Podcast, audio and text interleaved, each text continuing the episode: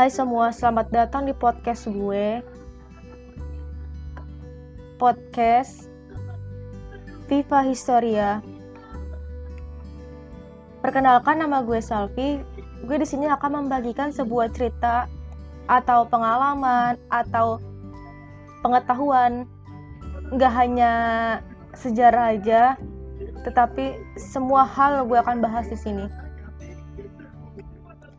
Tetapi hari ini gue akan membahas tentang awal banget dari sejarah yaitu apa pengertiannya, apa ruang lingkupnya dan sebagainya. Yang pertama,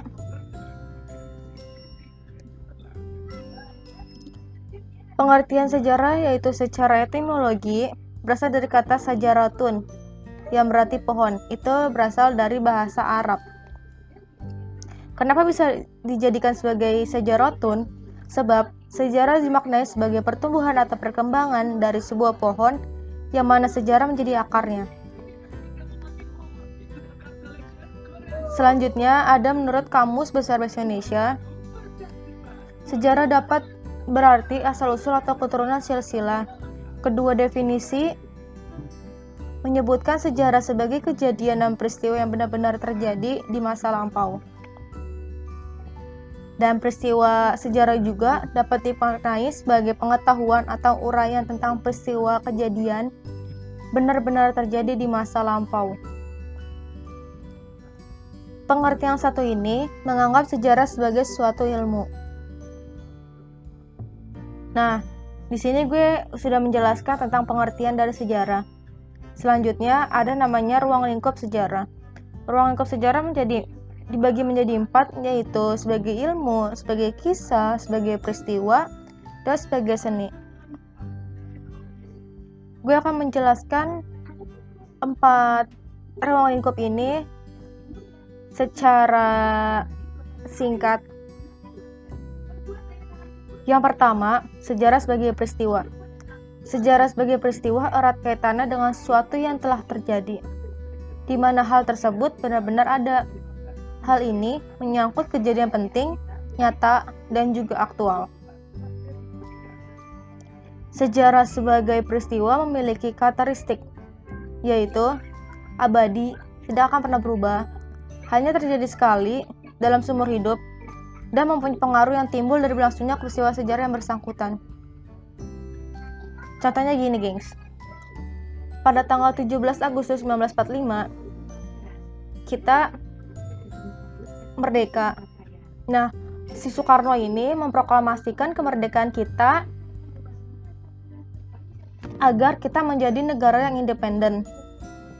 Nah, itu peristiwa sejarahnya bersifatnya abadi karena nggak mungkin juga peristiwa kemerdekaan ini diulang secara dua kali atau tiga kali. Dan ini hanya terjadi sekali-sekali.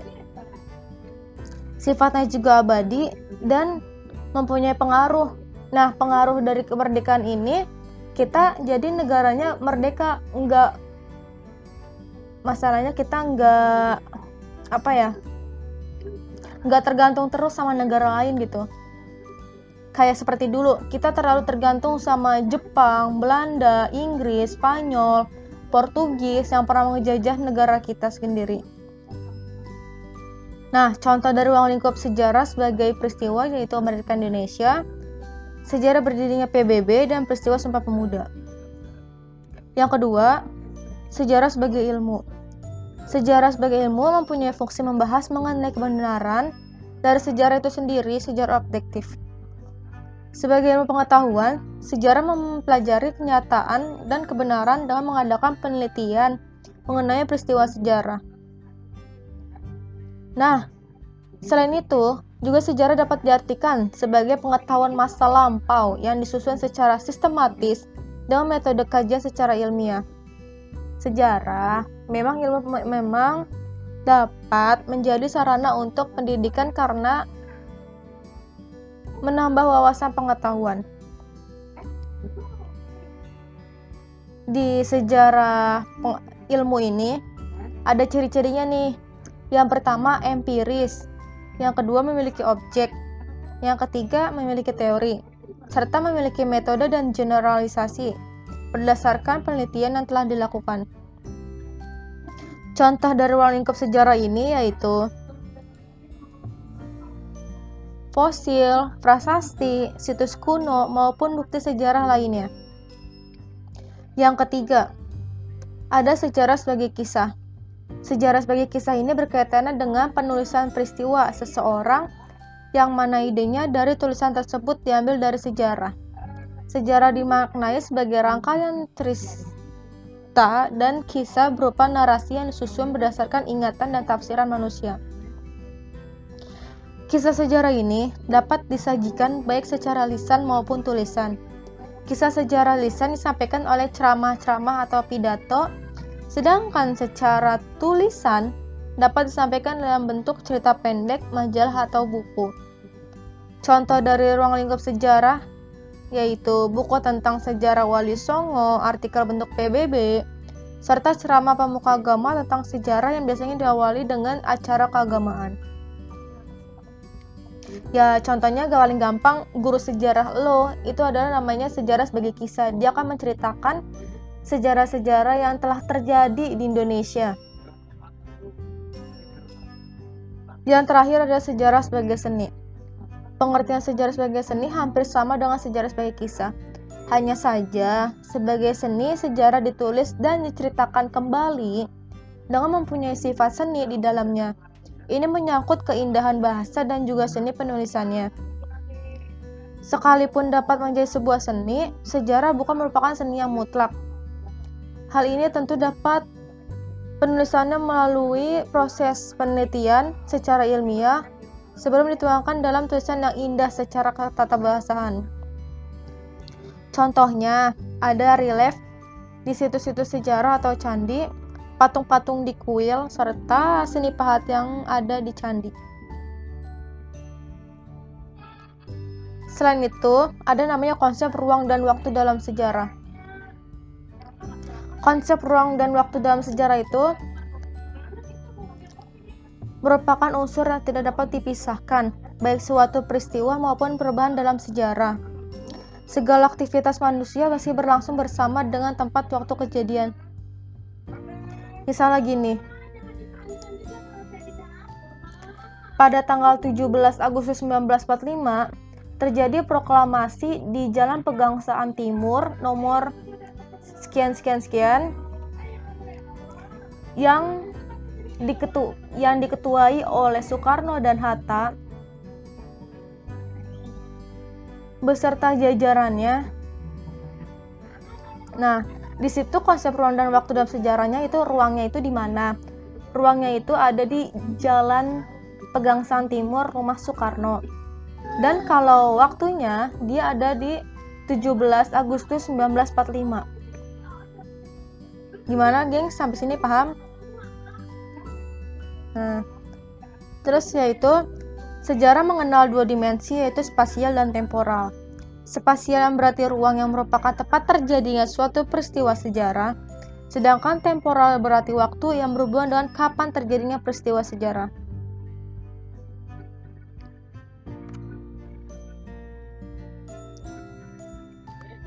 Selanjutnya, ada sumber sejarah. Sumber sejarah ini digunakan untuk mengetahui bagaimana kehidupan dan keadaan suatu zaman. Contoh, artefak, fosil, bukti seksual, tekstual, dan kebendaan. Tahap penelitian sejarah Tahap penelitian sejarah ini terbagi menjadi lima yang pertama, topik. Kedua, heuristik. Ketiga, verifikasi atau kritik. Yang keempat, interpretasi. Dan kelima, historiografi. Gue akan menjelaskan yang pertama yaitu mencari topik Topik yang dipilih untuk diteliti harus layak untuk dijadikan penelitian. Topik sebaiknya bukan merupakan duplikasi dari penelitian yang sudah ada. Yang kedua, heuristik. Heuristik ini berarti yang menemukan. Tahap ini merupakan tahap untuk mengumpulkan sumber atau data yang relevan dengan topik penelitian ini ya nggak mungkin lah lu misalnya mau bikin topik keberadaan sungai Nil di bla bla bla bla dan lu sumbernya malah nyari di perpustakaan bukan secara langsung gitu.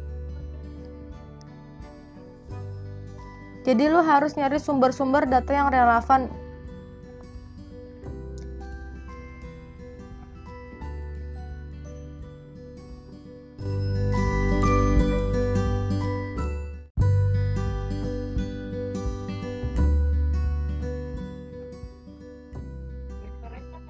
penelitian sejarah yaitu ada lima mencari topik heuristik verifikasi atau kritik interpretasi dan histiografi yang pertama mencari topik. Iyalah itu paling tentu. Kalau misalnya lu nggak tahu mencari topiknya atau temanya lu gak bakalan bisa ngerjain dong itu penelitiannya. Yang kedua yaitu ada heuristik. Heuristik ini tahap dalam pengumpulan sumber atau data yang sesuai dengan topik penelitiannya. Ini diperlukan untuk mengetahui bentuk peristiwa sejarah di masa lampau. Ada beberapa langkah yang dapat dilakukan, yaitu dengan metode kepustakaan, mengunjungi institusi sejarah, serta melakukan wawancara untuk melengkapi data sehingga diperoleh data dengan baik. Sumber sejarah ini dapat dibagi menjadi dua, yaitu primer dan sekunder primer ini adalah asli, sumber yang asli, dan sumber yang dibuat oleh tangan pertama atau sumber yang dibuat ketika peristiwa itu terjadi.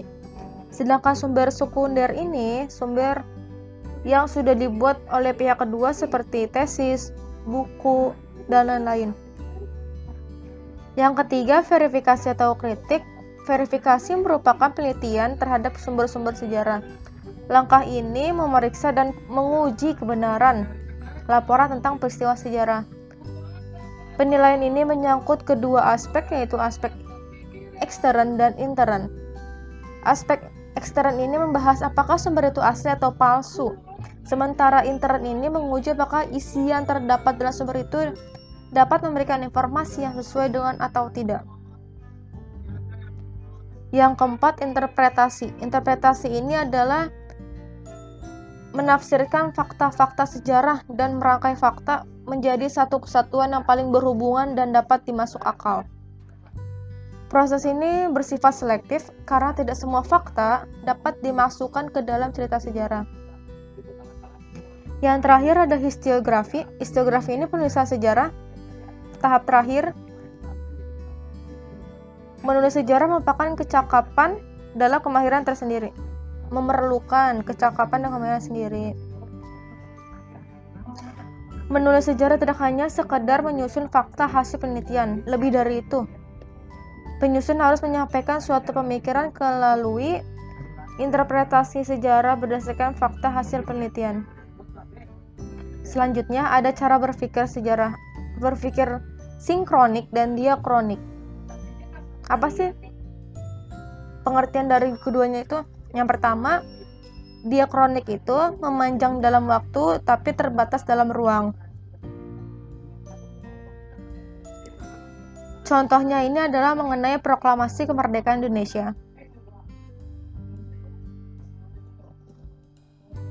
Karena proses kemerdekaan Indonesia itu memakan waktu yang paling panjang yang dari zamannya Belanda kita dijajah sampai Jepang yang kita dikasih kemerdekaan.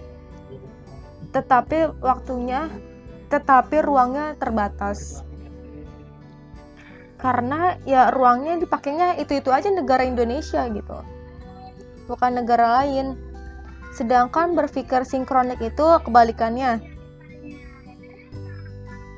Memanjang dalam ruang sempit dalam waktu